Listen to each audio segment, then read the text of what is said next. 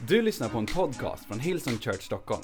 Vi hoppas den ska uppmuntra dig och bygga ditt liv. För att få mer information om Hillsong och allt som händer i kyrkan, gå in på www.hillsong.se. Alright, Lukas kapitel 5. Lukas kapitel 5.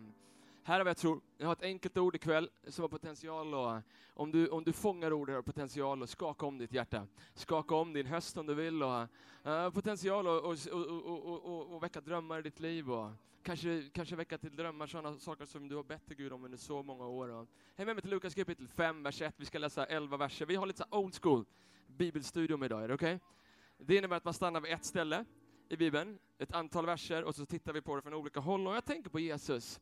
Om vi ska predika om någon, om vi som man bara fick predika om en. Är det okej okay om jag väljer Jesus då? Du vet, du måste förstå med Jesus att allt det Jesus gjorde på jorden var inte bara för att du och jag skulle säga så här, wow, vad coolt! Och kunde han hela den där, och han spottade i marken, och han var blind och nu kan han se igen. Det var inte bara därför. Utan jag tror att varenda steg Jesus tog, varenda ord han sa, varenda tanke han tänkte, varenda sak han gjorde, gjorde han därför att han ville att du och jag skulle lära oss någonting. För när han lämnade jorden så sa han, nu är ni mina händer och fötter. Det kommer ingen så här morbror nummer två, Jesus nummer två. Nej, nej, nej, nej. det finns ingen så här ny plan. Vi är den enda planen. Vi är hans händer och fötter och därför så måste våra liv, kanske mer än våra munnar, peka på vem Jesus Kristus är. För jag inser när jag går utanför eh, liksom, dörrarna här och går till vänster ner för Telge Kebab, där jag och Kefa bodde i tio år, eh, mer eller mindre, eh, eh, på riktigt. Du vet, vi hade ett band, jag och Kefa, Kefa som är, sitter här på första raden, eh, och vi var faktiskt sponsrade en kort stund av Telge Kebab det var så här, om ni säger när ni spelar att ni äter på Kebab så får ni äta gratis en månad. Så, ehm, men, men du vet, när jag går ner där, och lyssna på mig, Eh, och, och, vi går ut på gatan och frågar vem, vem är Jesus, så är det bara vi kristna som inte tror så att folk, fortfarande Jesus är på tapeten. Fortfarande har massor med människor en uppfattning om vem Jesus är.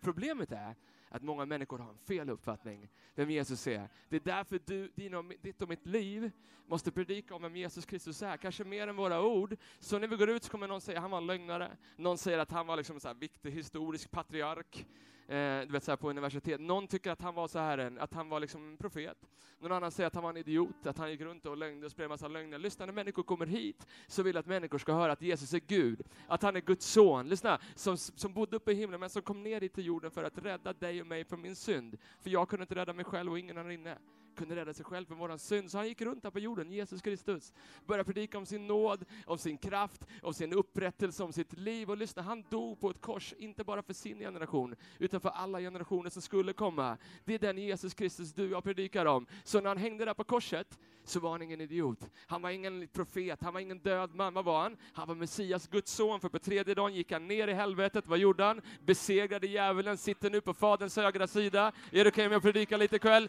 Och nu tror han på våran lovsång. Och Hillsong Church, när du kom ut in, in genom dörrarna så stod det välkommen hem. Det stod inte välkommen till Hillsong, för Hillsong Church har aldrig frälst en enda person. Jesus Kristus. Det är alltid Jesus, alltid handlat om Jesus, kommer alltid handla om Jesus. Om du vill veta hemligheten bakom vår kyrka, Jesus, Jesus, så kommer jag ber att, eh, att de här orden skulle landa på insidan av ditt hjärta. Häng med mig till Lukas kapitel 5, vers 1. Lyssna, en gång stod Jesus vid Genesarets sjö. Och folket trängde sig in på honom för att höra Guds ord. Då såg han två båtar ligga vid stranden. De som fiskade hade lämnat dem och höll på att skölja näten. Jesus steg i en av båtarna, den som tillhörde Simon Petrus, och bad honom lägga ut lite från land.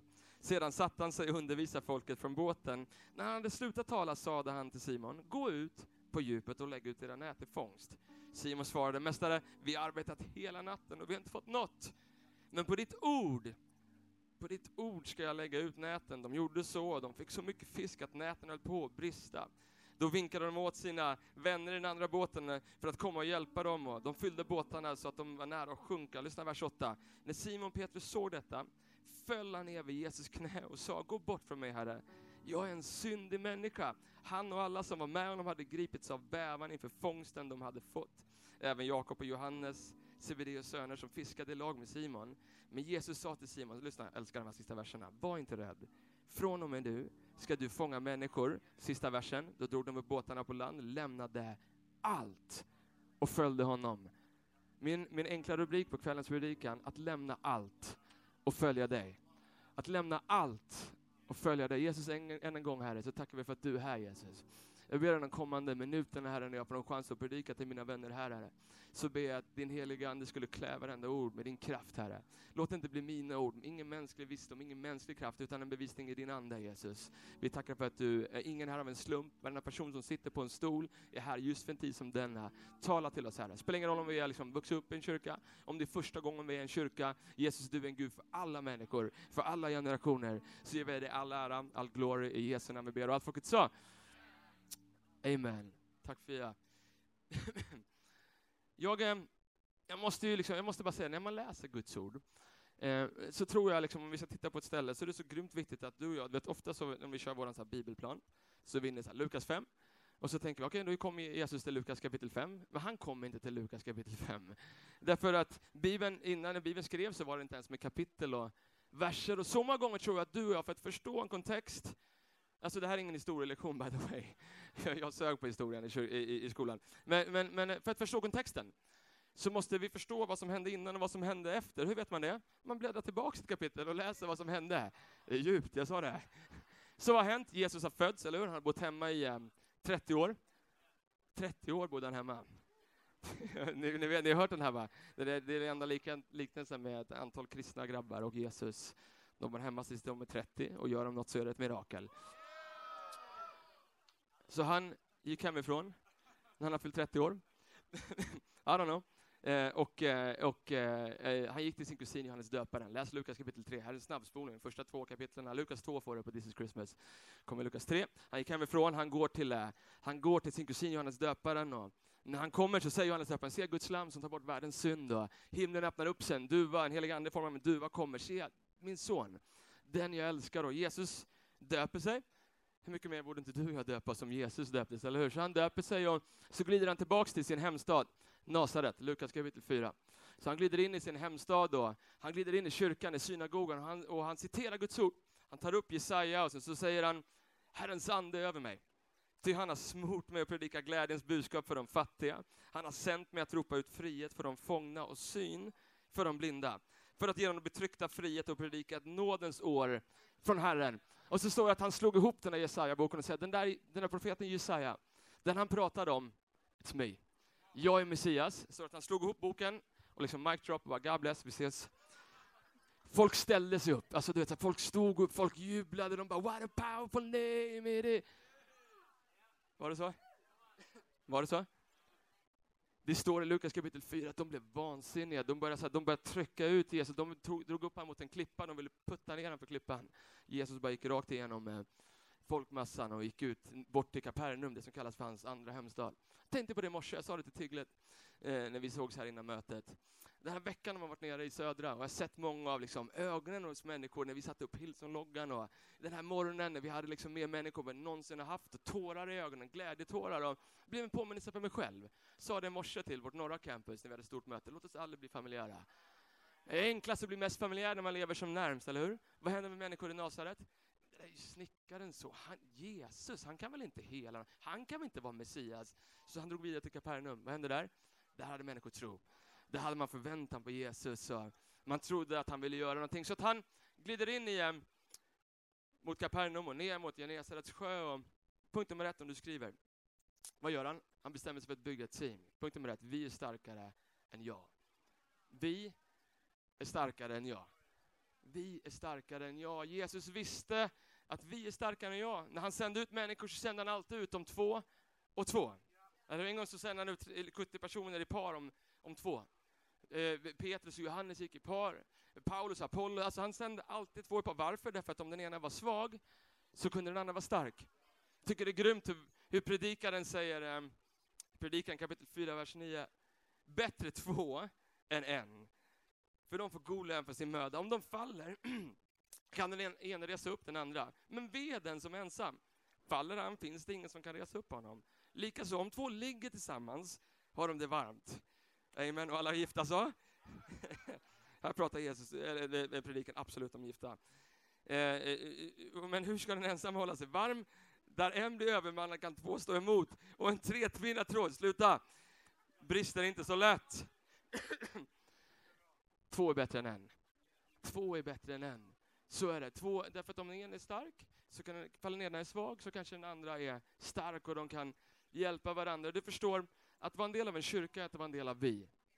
Att vara en del av en kyrka är inte att vara en del av jag. Vi brukar ofta säga att vi spelar hellre på, liksom, på märket på bröstet. Har du sett ett fotbollslag eller ett hockeylag så sitter alltid liksom klubbmärket här, närmst hjärtat, eller hur? Om ni kollar på Djurgården eller något bra lag, så ser ni hur Amen. Vet du vad jag menar? Det är här. Och vad händer där bak så har man namnet på den som spelar. Jag spelar mycket hellre för loggan här framme än för mitt eget namn här bak på baksidan. Amen. Vi är bättre än jag. Vi är starkare än jag. Och jag träffar människor ibland, och säger så jag brukar mässa folk ibland, eh, som jag saknat i kyrkan. Jag kom till kyrkan man. Eh, och häromveckan fick jag ett svar så här, ah, nej, men jag, jag kör lite på podcaster nu. Alltså okej, okay. eh, ja men jag, kör, alltså, blir inte så vad lyssnar du på? Nej men jag lyssnar här på den här grejen liksom. Okej, okay, blir det inte lite så här, då går och äter i samma burk hela tiden då? Nej men jag kör lite så här ibland, om jag går jag så här black gospel med T.D. Jakes, och ibland så går jag så hardcore med Tiglet, eh, och, och, och, du vet så här, och ibland så lyssnar jag på pastor Andreas och på Brian Hus, jag, bara, jag hittar en bra liksom så här mix. Jag, jag, jag, kanske var lite, hade en dålig dag där, men jag, jag, jag frågade honom, så, men jag har aldrig sett en podcast liksom bjuda in någon till kyrkan. Jag har aldrig hört en podcast som ringer någon och säger hej man, jag vet att du var ute sent igår, är det någonting jag kan be för? Jag har aldrig sett en podcast, på riktigt, aldrig sett en podcast säga till en gift man, hej man, jag vet att du pratar till din fru, det är inte okej. Okay. Jag har aldrig sett en podcast ta ut en dotter på liksom en dejt, tala uppmuntrande liv, tala hur underbar du är, så att när det kommer någon snubbe och vill äga den lilla dottern så kan hon titta rakt in i hans ögon och bara säga, vet du vad, min pappa äger dig. Eller? Jag har aldrig sett en podcast frälsa människor. Lyssna, att vara en del av en kyrka är att vara en del av vi, och inte jag. Det är inte fel på podcast. Jag lyssnar massor på podcast också. Jag säger bara att du kan inte erkänna det, ersätta det Gud har tänkt i sin kyrka med en podcast. Lyssna vad psalm 95 säger. jag tycker det är grymt det här stället. Lyssna vad, vad David säger i psalm 95. Come, let us, det står inte I. Come let us worship and bow down. Let us kneel down before the Lord our God. Um, for he is our God. We are the people he watches over, the flock under his care. Hur många we and us and are är det? Så när David pratar om hur vi ska lovsjunga så är det någonting som är plural. Låt oss lovsjunga Gud.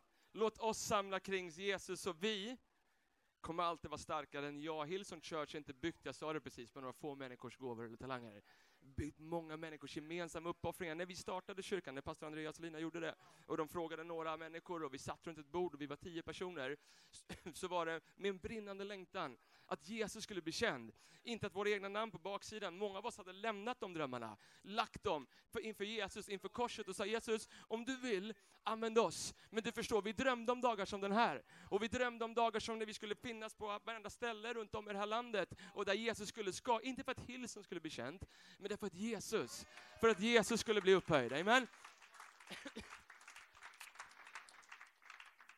All right, så storyn fortsätter då. Jag gillar det här. Jesus, eh, han går ur Nasaret, eh, han är på väg in i Kapernaum, eh, och det står att eh, han, har, han har träffat eh, några av sina lärjungar, han börjar liksom kalla samman sitt team. Han har träffat Johannes och, eh, och Petrus och några andra, Andreas, innan. De, de hängde med Johannes döparen tidigare. Och Johannes bara, ni har fel, ni ska hänga med Jesus. Så, så de hänger med Jesus och Jesus går ut i öknen, han kommer tillbaka. Så nu, drar, nu är de på väg liksom mot Genesarets sjö. Alldeles strax så ska Jesus lägga ut. Men innan det så står det att människor trängde sig på. Så Petrus han säger, om du kan Lukas kapitel 4, sista grejerna innan vi kommer in i Lukas 5, så säger han, vi går hem till mig. Vi käkar hemma hos mig idag. True story, läs Lukas kapitel 4. Och de är där hemma, de liksom ligger till bords, de är redo för käket, kommer ingen mat. Petrus kommer ut och säger, min svärmor eh, är sjuk, grabbar. Det blir, eh, liksom, det blir kebab på stan. Det blir hempizza. Petrus säger, Jesus säger, kalla in din svärmor. Eh, eh, och, och, och, Petrus kollar lite så här misstänksamt på Jesus. Han kommer in och, och, och Jesus helar hans svärmor. Petrus blir galen. Vissa säger att det var därför han förnekade. Nej, jag skojar. Inte sant. Eh, eh, och, och, och det knackar på dörren. Och vad händer? Petrus går och öppnar och det står att varenda demon från hela stan, varenda demonbesatt människa i hela stan står utanför dörren. Petrus bara, Jesus det är till dig tror jag, det är inte till mig. Eh, och så kommer vi in i storyn så står det att de drar ner till Genesarets sjö, för det är så mycket människor där som tränger sig på.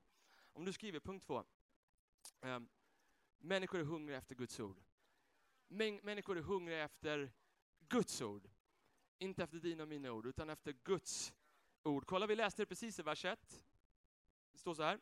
En gång stod Jesus vid Genesarets sjö och folket trängde sig in på honom för att höra Guds ord. För att höra Guds ord. Har du någon gång varit i ett sammanhang där människor tränger sig på så mycket att man liksom inte kan, man måste bara hänga med i flocken? Vet du, om man är så på tunnelbanan ibland. Jag har varit i tunnelbanan i Asien och där, kan jag säga, där, där hänger man bara med. Det, är helt, det går inte ens att kämpa emot människor där. Så var det på den tiden. Människor trängde sig på överallt. Det var tusentals människor. Ser du det framför dig? Folk trängde sig på. Varför? För att de ville höra Guds ord. Det var någonting med Jesus som, som satte människors hjärtan i brand. Han var inte som de här andra gubbarna som öppnade Bibeln som att det vore en telefonkatalog och som läste monotont med en ton. Nej, alltså när han talade så var det fullt av kraft. Det, det, var liksom inte, det var inte svårt. Människor förstod. Det vägde inte lätt, men det var enkelt. Varför? För att var och en som tror på Jesus Kristus inte ska gå under. Därför är evangelium enkelt, det väger inte lätt, det är det tyngsta som finns. Att se en människa vända om från sin synd då, vända om till Jesus. Men när Jesus talade så var det som klädde han inte i massa så svåra teologiska, så djupa sanningar som ingen förstod. Så att de gick hem efter kyrkan och kände att det där var bra och djupt. Ingen aning om vad han sa. Nej, han talade som människor förstod. Han använde liknelser om bönder, om fiskare, men saker som människor förstod. Och det stod att människor gillade honom. Ibland när vi, tror, när vi pratar om Jesus tänker vi så här, men han var ju väldigt hardcore, och så här, många människor tyckte att det var jobbigt. Nej, det var inte många. Det var några få proffskristna. De som är så på internet och skriver bloggar, och du vet så här. Några få, de flesta människorna, lyssna om du inte tror på mig, Guds ord, Markus kapitel 12. Den stora folkskaran lyssnade gärna på honom. Markus kapitel 12, vers 37. Den stora folkskaran lyssnade gärna. Inte bara lite grann, utan gärna på Gud. Så här kommer en uppmuntran och en utmaning till dig och mig. När vi talar, talar vi våra egna ord eller talar vi Guds ord till människor? Så om vi ska tala Guds ord så måste Guds ord fästa på insidan av vårt hjärta. För jag har märkt att om jag talar egna ord, som är bara liksom mänsklig visdom, så har de, det kommer inte bestå. Men när jag talar Guds ord över en människa, som om jag sitter i ett samtal med människor, det känns helt omöjligt. Vet du vad? Ingenting är omöjligt för den som tror med mig.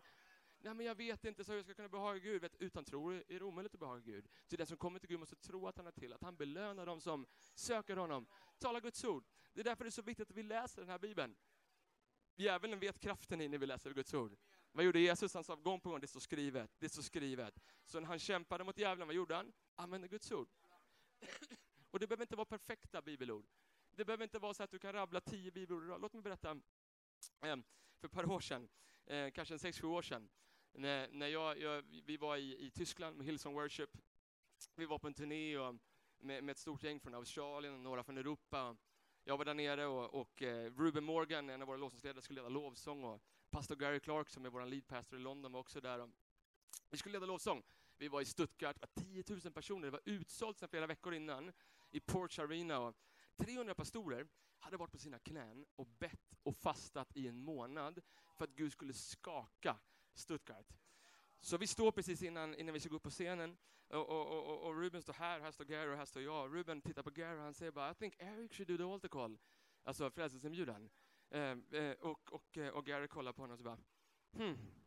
Och, och Ruben bara i think it's a yes. Och jag, och jag kollar på Ruben och tänker, jag kan ett enda bibelord på engelska. Jag har aldrig gjort en frälsningsinbjudan på engelska. 300 pastorer har legat på sina knä och fastat och bett i en månad. Jag börjar springa efter Ruben. Ruben är på väg upp på scenen.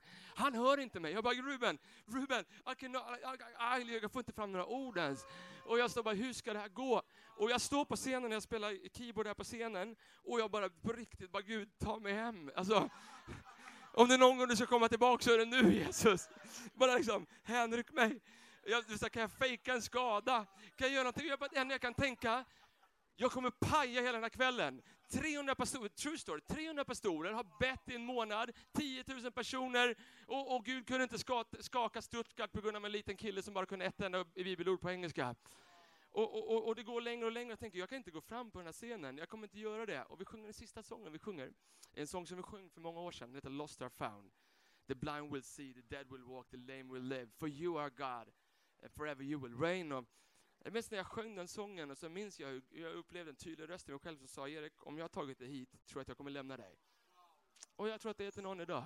Om Gud har tagit dig hit, tror jag att han kommer lämna dig.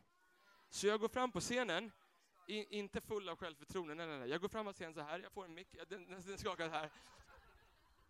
Och, och, och jag säger, eh, eh, engelska också. I once was lost, but now I'm found. I used to have a lot of she, she, she, she uh, used to have a lot of problems in my life. But if God took it away from me, he can do it for you. Och så kom jag på det där bibelordet som jag kunde. Because John chapter 3 verse 16 said that whoever, bele- whoever believes in Jesus Christ shall not um, perish but have eternal life. Nej, nej, så här sa jag. For God so loved the world that he sent his one and only son. That whoever believes in him shall not perish but have eternal life. If he did it for me, he can do it for you. At the count of three, shoot up your hand. One, two, three. Och jag blundar, jag tänker, jag vågar inte kolla ens. Och jag kollar lite grann, jag ser en pastor. Jag tänker, det här är kört. Jag vill inte så här, titta, jag bara kolla upp. Händer överallt. Alltså överallt. Hundratals, över 700 personer som tog emot Jesus den kvällen.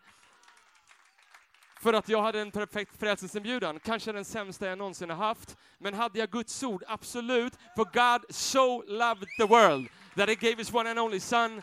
Amen. Kraften i Guds ord. Amen. Faktum är att det var faktiskt några pastorer som lyfte upp sin hand också. I don't know. Eh, det är kraften i Guds ord. Jag kom hit för att berätta för någon människa, vet du vad? Han kan använda vanliga människor som du och jag, att använda Guds ord, tala rakt in i människors liv. Det är så det funkar. Så se inte ner på det. Om det, allt det här skulle hänga på att några pastorer, Lina, Andreas och några till alltid skulle frälsa, det är ingen, som, ingen av oss frälsar någon by the way, Jesus gör det. Men om det hängde på att någon människa ska göra det, då kommer det aldrig gå.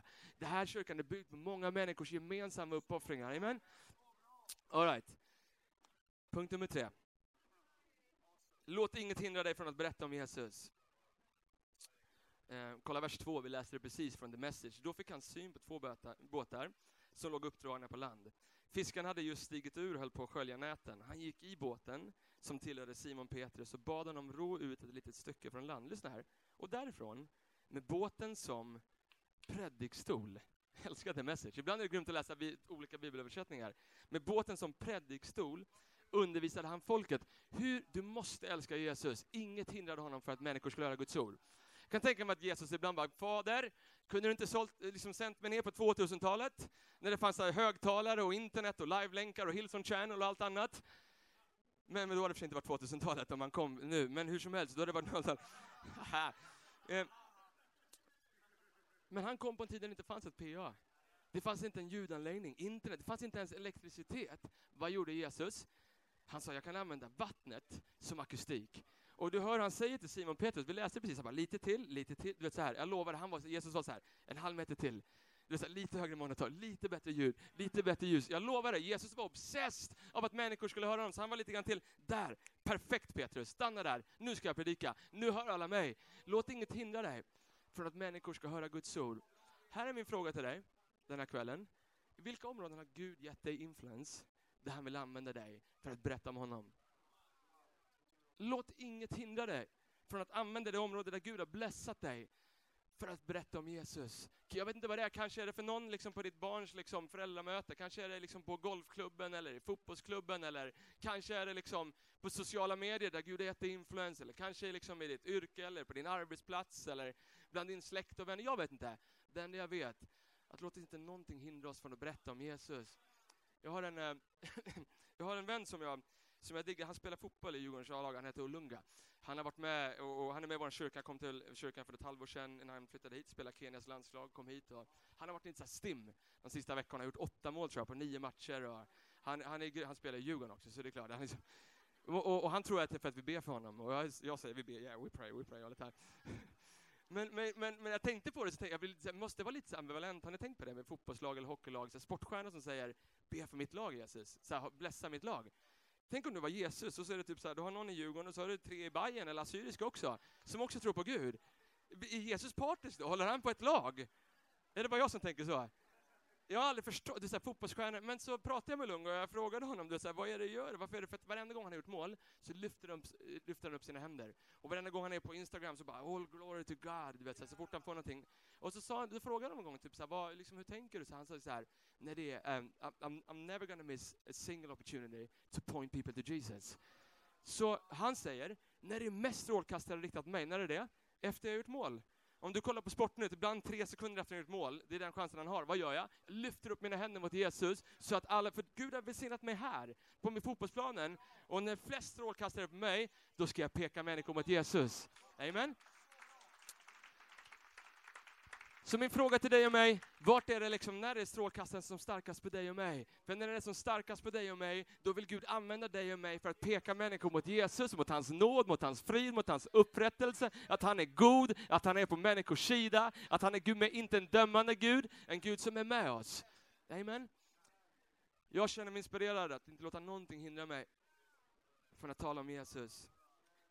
Fjärde punkten, fjärde saken jag tänkte på. Om du vill se Jesus, eh, om du vill se ett mirakel måste du låta Jesus leda dig ut på djupt vatten.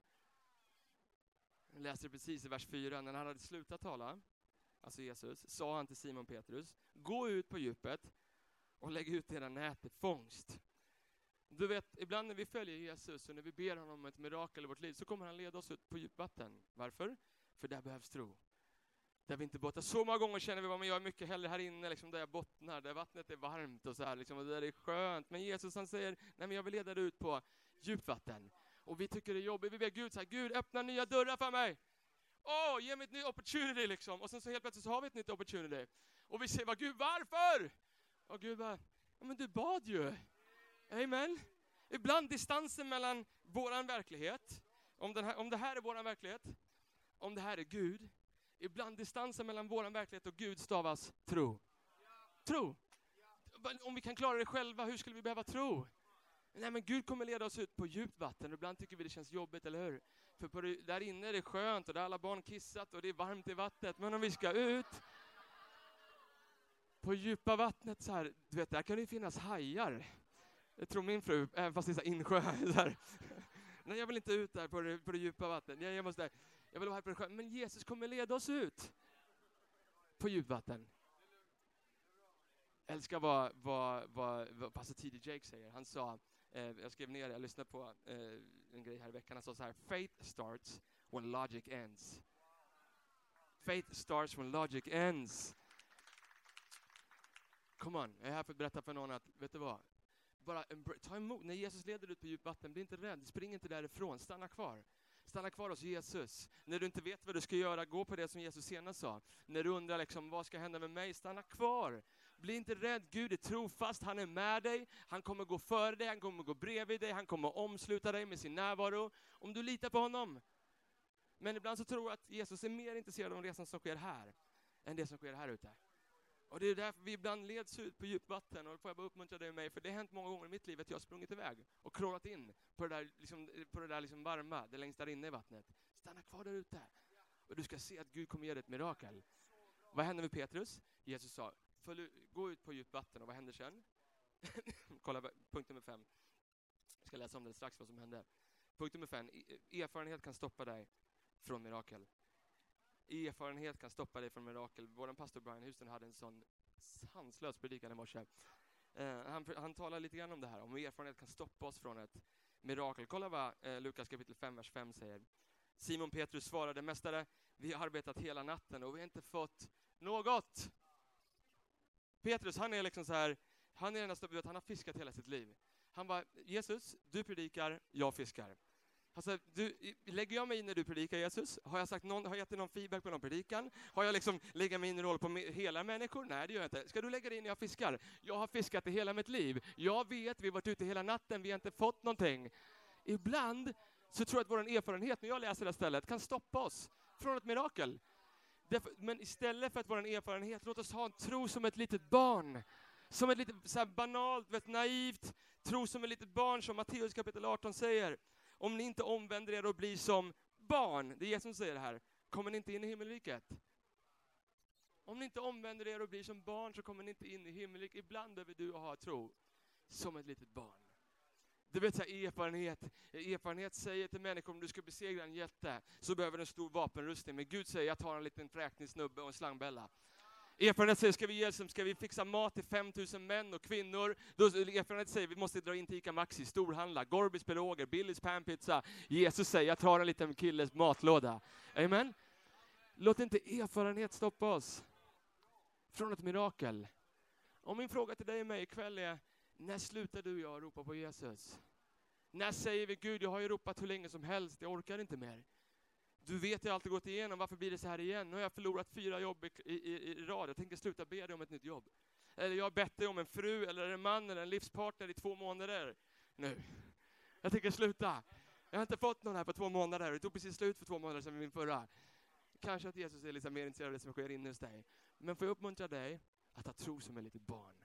Ingenting omöjligt för den som tror. Kom on, Gud, långt mycket mer än du kan tänka eller be om vill Gud göra genom den kraft som mäktigt verkar i oss. Hans tankar är inte våra tankar, hans vägar är inte våra vägar. Amen. Det finns en story om en, en, en kille, jag ska alldeles strax avsluta, en, liten, eh, om en kille i vår kyrka som heter Moddy. Han, är, han, han blev frälst i vår kyrka för fem sex år sedan. Uh, älskar den story, för att vi hade en tjej i vår kyrka, har en tjej i vår kyrka som leder vår connect-grupper i city, hon heter Carolina Rindefors. Hon bjöd med Moddy varenda söndag till kyrkan. Tror du under ett par års tid. Varenda sån lördagkväll. Moddy, ska du med till kyrkan? Moddy, ska du med till kyrkan? Moddi svarade ibland inte, ibland sa kanske, jag vet inte, någon annan gång svarade inte, svar. Hon gav aldrig upp. Hon lät inte erfarenhet stoppa henne från ett Hon fortsatte bjuda in Moddy och en gång, en dag, så sa Moddy ja. Jag kommer till kyrkan och jag vet Mästare Norge har med mig Moddy eh, eh, och han kommer komma till kyrkan imorgon och så här. Och det blir söndag kvällsmöte. Moddy kommer inte. Han har försovit sig till vårt kvällsmöte. True story. Du vet, du vet du varit ute sent om du försover dig till ett kvällsmöte. Han är sen 18 år. Men lyssna, här är min poäng. Här är vad jag älskar med, med Carolina i vår kyrka. Hon gav inte upp. Så många gånger hade vi sagt, vet du vad Gud, enough. Jag tänker inte ropa mer på dig. Jag har försökt i två år, snubben försover sig till 18-mötet. Nu, nu satsar jag på någon annan. Karo, hon var inte en sån person. Nästa lördag, Modde, kommer du med till kyrkan? Lyssna, den här storyn finns på SVT Play. Vi gjorde en grej när vi, gjorde, vi spelade in våra gudstjänster. Du kan kolla där på SVT Play tror jag. Nästa vecka, Modde kommer till kyrkan. Grymt skeptiskt. Undrar, kan Gud verkligen göra någonting i mitt liv? Jag ska se vad det finns för brister. Det här är någon form av sekt. Det här kan inte stämma. Det kan inte finnas en Gud. Men när Andreas går upp på scenen och säger, finns det någon här som vill ta emot Jesus? Så han räknar ett, två, tre, lyft upp din hand. Så åker Moddys hand upp. Först av alla, han tar emot Jesus, on the rest is history. Hundratals människor har fått sin första liksom, uppenbarelse med Jesus genom Moddy i vår kyrka sedan den, sedan den dagen. För att en tjej bestämde sig för att inte låta ens erfarenhet liksom definiera vad Gud vill göra genom människors liv. Amen? Okej, okay, sista punkten medan lovsångsteamet kommer upp.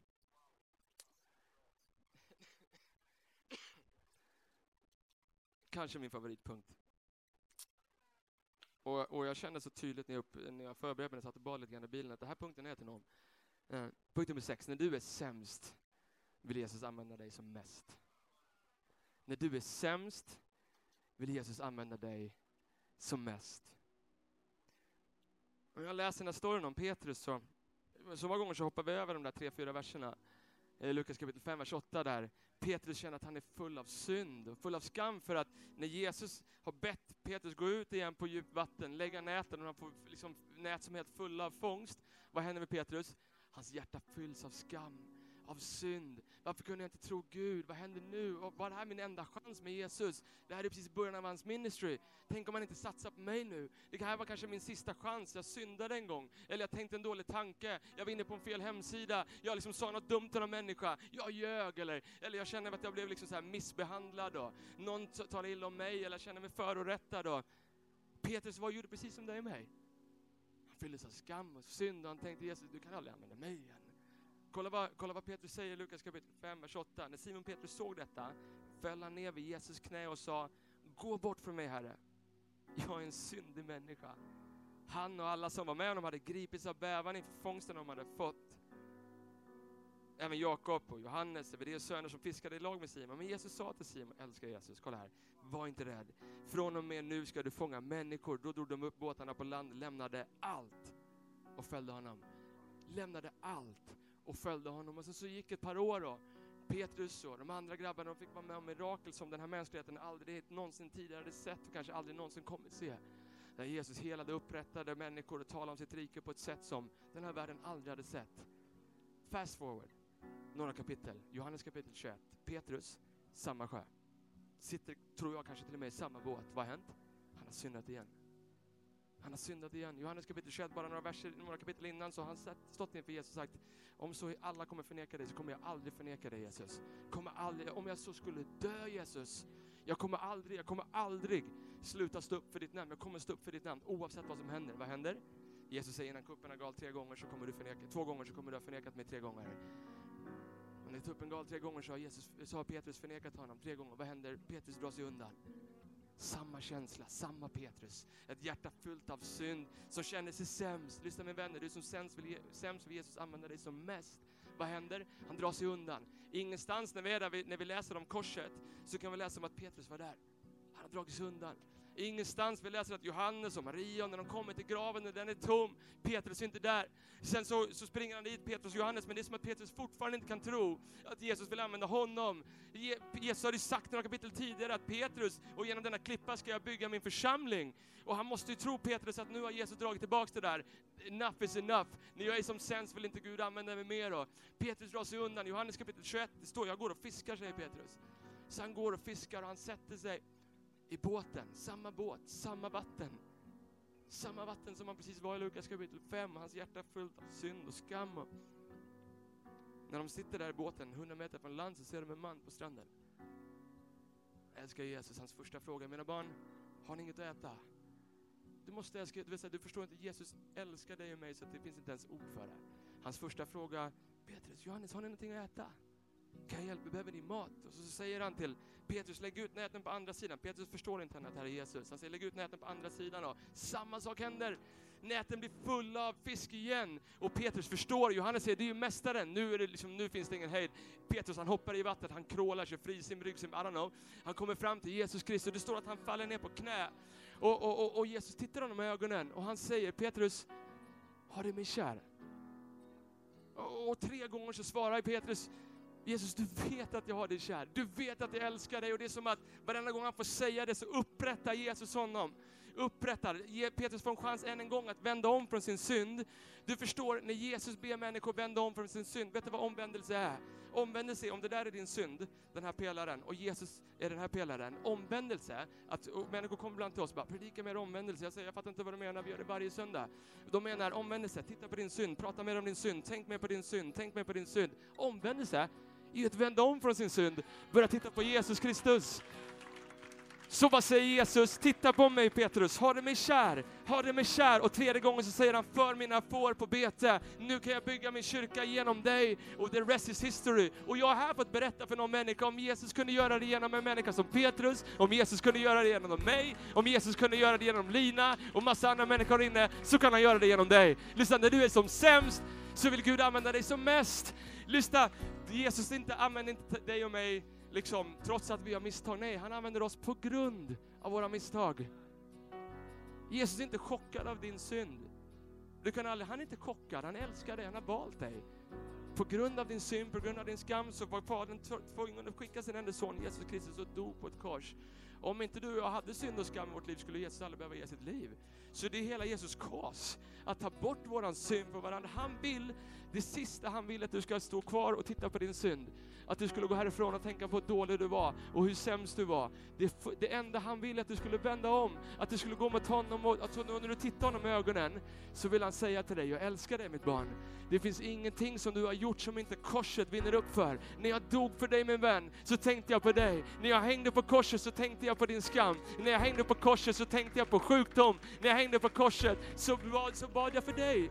Du fanns i mina tankar. Så min vän, jag är här för att berätta för någon. Jag ska be, vi ska lovsjunga alldeles strax. Jag är här för att berätta för någon ikväll. Jag vet inte vem det är, men någon behöver höra det här. När du är som sämst så älskar Gud dig som mest. Amen.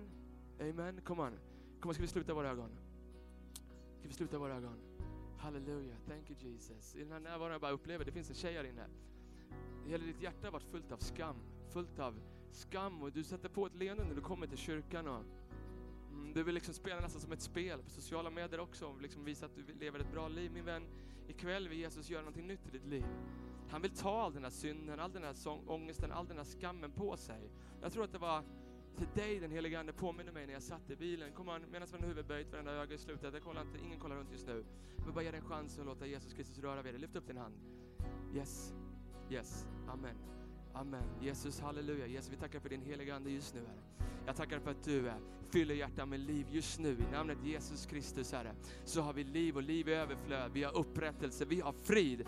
Vi talar ge vika ångest, gå ångest i namnet Jesus. Vi talar självförtroende, Herre. Vi talar upprättad självbild i ditt namn. It's in Christ, det är i Kristus vi förstår vilka vi, vilka vi är och varför vi lever. Så just nu, Herre, rör vi de här personerna i namnet Jesus. Halleluja. Kom an, ska vi stå upp? Amen. Hej, vi ska, vi ska sjunga den här sången igen, What a beautiful name it is. Och sen kommer eh, jag kommer tillbaka och ber en bön för dig, du som ger ditt liv till Jesus. Men kom on, vi är alldeles strax klara. Låt oss behålla liksom stillheten här inne två sekunder. Slut dina ögon kanske. Om du vill, sträck dina händer mot Jesus och börja tacka honom för att han är underbart skapat dig och mig. What a beautiful name it is. Kom on.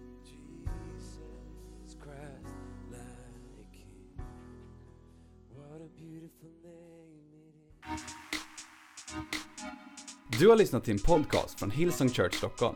Om du vill veta mer om vår kyrka eller om våra söndagsmöten, surfa in på www.hillsong.se